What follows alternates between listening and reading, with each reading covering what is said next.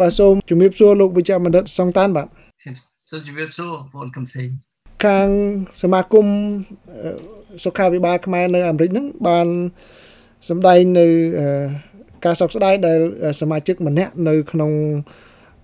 សមាគមដែលជាវិជ្ជបណ្ឌិតខ្មែរអាមេរិកាំងបានស្លាប់បាត់បង់ជីវិតលោកអាចបញ្ជាក់បានពីដំណើររឿងលោកស្រីវិជ្ជបណ្ឌិតថាតើ លោកស្រីបានឆ្លងកូវីដហ្នឹងយ៉ាងម៉េចបានរហូតដល់បានបាត់បង់ជីវិតដូចនេះបាទសូមជម្រាបសួរបងកំសែងលោកវិជ្ជបណ្ឌិតលីណាតនីមគាត់ជាគ្រូពេទ្យខាងជំងឺផ្ទៃក្នុង internal medicine ហើយគាត់ធ្វើការនៅមន្ទីរអាសន្ន emergency department នៅមន្ទីរពេទ្យនៅ Fresno Cal Regional Medical Center គាត់ធ្វើការ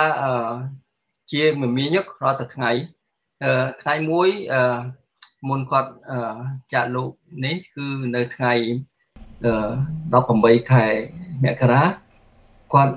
ចុងសប្តាហ៍គាត់អត់សូវស្រួលខ្លួនហៀងក៏អស់កម្លាំងកំហែងបន្តិចតួចក៏ប៉ុន្តែនៅមិនមានក្រៅខ្លួនមិនអីទេដូច្នេះគាត់មិនបានទៅធ្វើការថ្ងៃពហោះគឺគាត់ត្រូវសម្រាប់ថ្ងៃសុក្រថ្ងៃសៅរ៍ថ្ងៃអាទិត្យ ក៏ប៉ុន្តែដល់ថ្ងៃច័ន្ទថ្ងៃ18ហ្នឹងស្រាប់តែគាត់ត្រូវទៅធ្វើការហើយមន្ទីរពេទ្យពងទន្ទឹងផ្លូវគាត់មកធ្វើការប៉ុន្តែគាត់អត់ឃើញមកដូច្នេះគេក៏បានទំនាក់ទំនងទៅគ្រួសារបងប្អូនគាត់បងគាត់ក៏បានទៅផ្ទះទៅឃើញទៅគាត់ស្លាប់នៅនៅលើកន្លែង sofa ដូច្នេះអឺមិនដឹងស្លាប់តាំងពីកាលទេក៏ប៉ុន្តែគាត់គេឃើញគាត់ស្លាប់នៅថ្ងៃច័ន្ទហ្នឹងបាទអញ្ចឹងអឺតើមានបានធ្វើរោគវិនិច្ឆ័យពីមុនទេថាគាត់កើតជំងឺ Covid-19 ហ្នឹងបាទឥឡូវគេធ្វើគឺគេធ្វើតេស្តដូច្នេះដល់ឈឺអញ្ចឹងគេយកទៅពិនិត្យទាំងអស់ឃើញធ្វើតេស្តទៅគាត់វិជ្ជមាន COVID ប៉ុន្តែមុនពេលគ្រោះថ្នាក់ដល់ជីវិតហ្នឹងគឺគាត់បានដឹងខ្លួនហើយមានអាការៈរោគយ៉ាងម៉េចខ្លះដែរបាទណាគាត់គាត់តែមិនអស់កម្លាំងទិញទួយ គាត់ណាដូចប្រាសាយជាសបោអីទិញទួយទេអត់មាន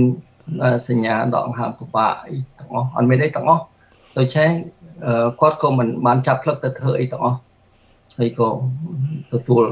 មរណកម្មរបៀបចឹងទៅបាទលោកវិជ្ជបណ្ឌិតអាចរៀបរាប់ពីស្ថានភាពការងារដែលគាត់ធ្វើហ្នឹងតើគាត់មានលក្ខណៈប្រឈមមុខយ៉ាងម៉េចខ្លះដែលអាចនឹងឲ្យគាត់ឆ្លងជំងឺ Covid-19 បានណាបាទបាទគាត់ធ្វើការនៅទី អាសន្ន emergency department នៅទីពេទ្យគាត់តែងតែប្រាប់ខ្ញុំទៅប្រាប់បងប្អូនគ្នាថាអូយគាត់មានអ្នកជំងឺអឺមានវិជ្ជមាន COVID ច្រើនរាល់ថ្ងៃដូច្នេះគាត់គឺថាឈុំមុខអ្នកឈុំមុខសមរភូមិហ្មងនៅខាងនោះនៅកាលយើងធ្វើដែងហ្គីឡាធ្វើពិធីបុណ្យនៅខាងតាមអ៊ីនធឺណិតនៅខែវិច្ឆិកានោះយើងខាងសមាគមយើងនោះ បានបញ្ចេញអ្នកធ្វើការដូចយើងក្នុងសមាគមយើងហ្នឹងដែលនៅជននៅនៅសមរភូមិឈានមុខខាងព្យាបាលជំងឺ Covid គាត់ជាគូពេទ្យម្នាក់ដែលគេដែលយើងបានសម្ដែងនៅក្នុងហ្នឹងដែរបាទសូមលោកវិជ្ជបណ្ឌិតរៀបរាប់បន្តិចអំពីលោកស្រីវិជ្ជបណ្ឌិតលឹមលីណាហ្នឹងតើ គាត់មានគុណសម្បត្តិយ៉ាងម៉េចខ្លះហើយចំពោះសហគមន៍ខ្មែរអាមេរិកក៏ដូចជាប្រទេសកម្ពុជានោះបាទដុកទ័រលីណាតគាត់ជាគ្រូពេទ្យថ្មីដែលតែចេញពីមហាវិទ្យាល័យនៅសហរដ្ឋអាមេរិកមិនដូចខ្ញុំទេចេញពីមហាវិទ្យាល័យស្រុកយើងហើយមករៀនបន្តទៀតគាត់គឺថាចេញពីនោះហ្មងគឺថារៀនចប់តាំងពី high school គាត់អត់មកដល់មិនទាន់ high school គាត់យក GED ហើយទៅមហាវិទ្យាល័យបន្តទាំងអស់បានចប់ទាំងអស់ ហើយបានចេញជាមហាវិជ្ជាបណ្ឌិតនៅឆ្នាំ1993ហើយគាត់ចេញទៅធ្វើ training ទៅបង្ហាត់រៀនខាងជំនាញខាងជំងឺផ្ទៃក្នុងខាងមនុស្សចាស់ហើយចេញឆ្នាំ1996គាត់កើតនៅឆ្នាំ62នៅស្រុកខ្មែរហើយគាត់ចេញមកហ្នឹងគឺថាជាកូនខ្មែរយើងដែលទៅចេញមកខ្មែរយើងជាគូពេទ្យមានតិចណា ដូច្នេះម្នាក់ម្នាក់ចង់ទៅជួយដើម្បីសងសងគុណទៅសហគមន៍ទៅប្រទេសយើងវិញដូច្នេះគាត់ក៏បានចូលរួមជាមួយសមាគមយើងឆាប៉ាហើយក៏គាត់បានទៅធ្វើជាអ្នកស្ម័គ្រចិត្តនៅស្រុកយើងច្រើនដងដែរនៅក្នុងនោះមានចូលនៅអឺបេសកកម្មការយើងសពុតលើកមុនដំបូងនៅឆ្នាំ2011ផងហើយដល់ក្រោយមកទៀត2017 ហើយមានមរិយមួយគាត់បានទៅធ្វើការនៅមណ្ឌល Sihanouk Hope Center នៅភ្នំពេញគឺតាមទីពេទ្យនោះគាត់បានទៅជួយនឹងដែរជួយទៅឆែស្គាល់មានតាក់ទងអ្នកជំងឺឬក៏គ្រូគ្រូពេទ្យហើយនឹងគូសិស្សជាច្រើនដូច្នេះក្នុងមួយសកលលោកនៅនៅស្រុកយើងគាត់បានចូលរួមជាមួយម៉ាដាមគួចជានវីមិនដឹងស្គាល់អត់ទេគាត់ស្គាល់ខ្មែរថាស្គាល់ advocate គាត់បានចូលជាមួយខាងនោះដែរជួយបកប្រែជួយមើលមើលឯកសារនានាចេញពី CDC គាត់គឺថាគាត់ចូលប្រឡូកចឹងបាទហើយក្នុងសមាគមយើងហ្នឹងគាត់ក៏បានចូលអឺរួមជាសកម្មដើម្បីអឺធ្វើឲ្យសមាគមយើងមានសមាជិកពេទ្យសកម្មទៅជួយស្រុកយើងជាច្រើនការពិត វ៉ាក់សាំងមានតាំងពីចុងឆ្នាំ2020ហើយតើគាត់បានទទួលចាក់វ៉ាក់សាំងទេបានបានរហូតដល់គ្រោះថ្នាក់អញ្ចឹងបាទបាទគាត់ថាគាត់មិនហ៊ានចាក់ទេព្រោះគាត់ចាក់អីវ៉ាក់សាំងធម្មតាសម្រាប់ប្រាសាយធំគាត់មានបញ្ហាធ្វើទុកខ្លួនដូច្នេះគាត់ថាគាត់មិនចាក់ខ្ញុំចាក់ឲ្យតាំងពីខែធ្នូម្លេះដូច្នេះកាលនោះចាប់ប្រាមានហើយពួកខ្ញុំជាគូពេទ្យជាអ្នកដំបូងដែលត្រូវទទួលវ៉ាក់សាំង គូពេទ្យខាងជួរមុខពួកយើងសើបានចាក់មុនគេខ្ញុំចប់ហើយចាក់ទី2ចប់តាំងពីមករាថ្ងៃ12ណាអ្នកខ្លះមុនជាងខ្ញុំមួយទឹកបាទបាទហើយនេះបានជាគាត់គាត់មានជំងឺអីបានជាមិនអាចនឹងចាក់វ៉ាក់សាំងបានខ្ញុំមិនច្បាស់ប្រកាសដែរប៉ុន្តែបុគ្គលខ្លះអ្នកខ្លះមាន allergy allergy នឹងថ្នាំដូចជាចាក់គាត់ចាក់អត់បានដូចជាបបក្រក់ដែរអ្នកដែលចាក់មិនបានគឺដូចអត់បានទទួលនៅ អំណោយផលរបស់វ៉ាក់សាំងដូចជាគាត់គ្រោះថ្នាក់ក៏ប៉ុន្តែយើងគិតមើលគ្រោះថ្នាក់ប៉ុណ្ណឹងនៅទៅធ្វើការធ្វើការអត់មានរីរាំងអត់មានរីរេទេទៅធ្វើការបំពេញសកម្មភាពរបស់ខ្លួនមុខងាររបស់ខ្លួនដើម្បីជួយគេជួយថែរក្សាជំងឺ Covid កន្លែងគាត់គឺតែចំហ្មងកន្លែងគាត់កន្លែងហ្នឹងគឺថានៅ San Joaquin Valley នៅ Fresno គឺថាមនុស្សច្រើនមែនតើដែលជឿក្នុងព្រោះ មានពួក Spanish ច្រើនណាស់ពួកអ្នកធ្វើការខាង essential worker ច្រើនមែនតើគាត់ប្រាប់ខ្ញុំថាជួនកាលនៅទីពេទ្យហៀមកដល់តាមច្រកផ្លូវអត់មានបន្ទប់ឲ្យគេងគាត់ហងៃលោកបញ្ជាក់មិនដឹងខ្ញុំចង់ឲ្យលោកបញ្ជាក់បន្តិចពី ខ្លឹមសារវ៉ាក់សាំងតើនៅខាងរដ្ឋកាលីហ្វ័រញ៉ាដែលមានសហគមន៍ខ្មែរអាមេរិកច្រើនហ្នឹងតើសហគមន៍ខ្មែរគាត់ព្រមទទួលចាក់វ៉ាក់សាំងហ្នឹងបានទូលំទូលាយទេបាទបាទខ្ញុំសូមមិញនៅក្នុងការមានអា Zoom ជាមួយចឹងដែរម្នាក់ម្នាក់សួរខ្ញុំដូច្នេះគាត់ទទួលតាខ្មែរយើងគឺថាម្នាក់ម្នាក់ទទួលដោយកក់ក្ដៅបានទទួលហើយ ឥឡូវគេនៅខាងនេះគេចាក់65ឆ្នាំឡើងទៅលើដល់ក្រៅពីគូពេទ្យឥឡូវចាក់ដល់មនុស្សចាស់តែចាស់ជាង65ឆ្នាំឥឡូវទទួលទទួលបានហើយមានឆ្នាំមាន Moderna ហើយនិង Pfizer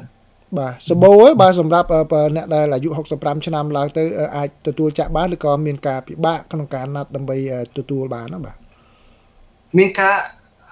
មានការប្របាក់បន្តិចបន្តួចតែក៏ប៉ុន្តែខ្ញុំឃើញដូចថាបន្តិចទៀតដំណើរការកាន់តែស្រួលទៅ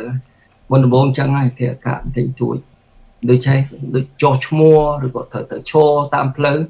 តាមពិតបើយើងចេះ schedule ទៅ make appointment តាម internet អានោះអ្នកចេះដូចឆេះគាត់ជួនកលមានចាងមានអីជួយជួយដូចឆេះសិតតែរឿងបច្ចេកទេសនៅស្រុកនេះឥឡូវសាំងខាងចឹងតោះចុះឈ្មោះរបៀប internet ណា schedule thing បើមិនមិនអ្នកខ្លះទៅខាង public health ខាងក្រសួងសាធារណៈការអ្នកខ្លះទៅចូលទៅទៅចូលចាំទទួលទៅគេគេចាក់ឲ្យបាទលោកបញ្ជាបណ្ឌិតនៅសហរដ្ឋអាមេរិកនេះមានវ៉ាក់សាំង2គឺដោយលោកបានលើកឡើងអញ្ចឹងគឺ Moderna ហើយនិង Pfizer ហើយនឹងក្នុងពេលដល់ឆាប់ខាងមុខនេះអាចនឹងមានវ៉ាក់សាំងរបស់ក្រុមហ៊ុន Johnson Johnson តើប្រសិទ្ធភាពវាយ៉ាងម៉េចដែរលោកលោកឲ្យយោបល់ថា គួរតែចាក់វ៉ាក់សាំងប្រភេទមួយណាសម្រាប់សុវត្ថិភាពខ្លាំងសម្រាប់ការពារពលរដ្ឋនោះបាទវ៉ាក់សាំង2ហ្នឹង3ហ្នឹងមានគុណសម្បត្តិខុសៗគ្នាអាដែល Pfizer ហើយ Moderna ប្រហែលប្រហែលស្មើស្មើគ្នាទៅចាក់2ដង ចាក់ទី1ប្រហែលប្រសិទ្ធភាពជាង50%ហើយចាក់បានទី2ដែលដូច Moderna ទៅ4អាទិត្យ Pfizer ទៅ3អាទិត្យអាហ្នឹងគេថាឡើងដល់95%ក៏ប៉ុន្តែវ៉ាក់សាំង Johnson Johnson នឹងប្រហែលគេអនុញ្ញាតឲ្យប្រើក្នុងរវាង2អាទិត្យឬក៏ប្រហែលអាទិត្យនេះទេគឺអានោះគឺចាក់តែមួយទេដូច្នេះមានប្រសិទ្ធភាពដល់70 80%ដូច្នេះគឺថាទាំងអស់គឺថាល្អធម្មតាដែលយើងចាក់ធម្មតាដែលសម្រាប់ flu shot ដែលសម្រាប់ប្រាសាយធំនោះគាត់តែ50ប្រហែលភាគរយទេណា60 50 60ភាគរយដូច្នេះ អស់អាវ៉ាក់សាំងដែលយើងមានគឺថាមានគ្រប់គ្រាន់អឺដែលការផ្លែក Johnson Johnson គឺថាគឺគេអាចទុកនៅក្នុងអានៃសេតនាភាពធម្មតាមិន Moderna ហើយនឹងអានៃ Pfizer អានោះតតតិចមែនទែនក្រម080អីនោះអង្សា Fahrenheit ដូច្នេះពិបាកពិបាកទុកដូច្នេះខ្ញុំថាតាមអ្នកឯកទេស អ្នកតាមដំបូងមានគូពេទ្យឲ្យតែបាក់សាំងអីក៏បានដែរចាក់ទៅគ្មានគ្មានខុសគ្នាប្រហែលនេះដូច្នេះគួរតែចាក់ពីព្រោះបាក់សាំងអឺទៅអនាគតមិនគ្រប់គ្រាន់សម្រាប់មនុស្សទាំងអស់ទេដូច្នេះបាក់សាំងកាន់តែច្រើនកាន់តែល្អដើម្បីជួយជួយយើង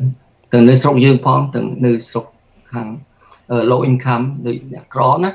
គេអត់ទាំងមានអីផងដូច្នេះវ៉ាក់សាំង Pfizer និង Moderna ពិបាកទៅប្រទេសដែលអ្នកក្រគេពិបាកប្រើមែនទែនបាទលោកវិជ្ជបណ្ឌិតលោកស្រីវិជ្ជបណ្ឌិតលឹមលីណានឹងគឺជាវិជ្ជបណ្ឌិតខ្មែរអាមេរិកាំងដំបូងហើយ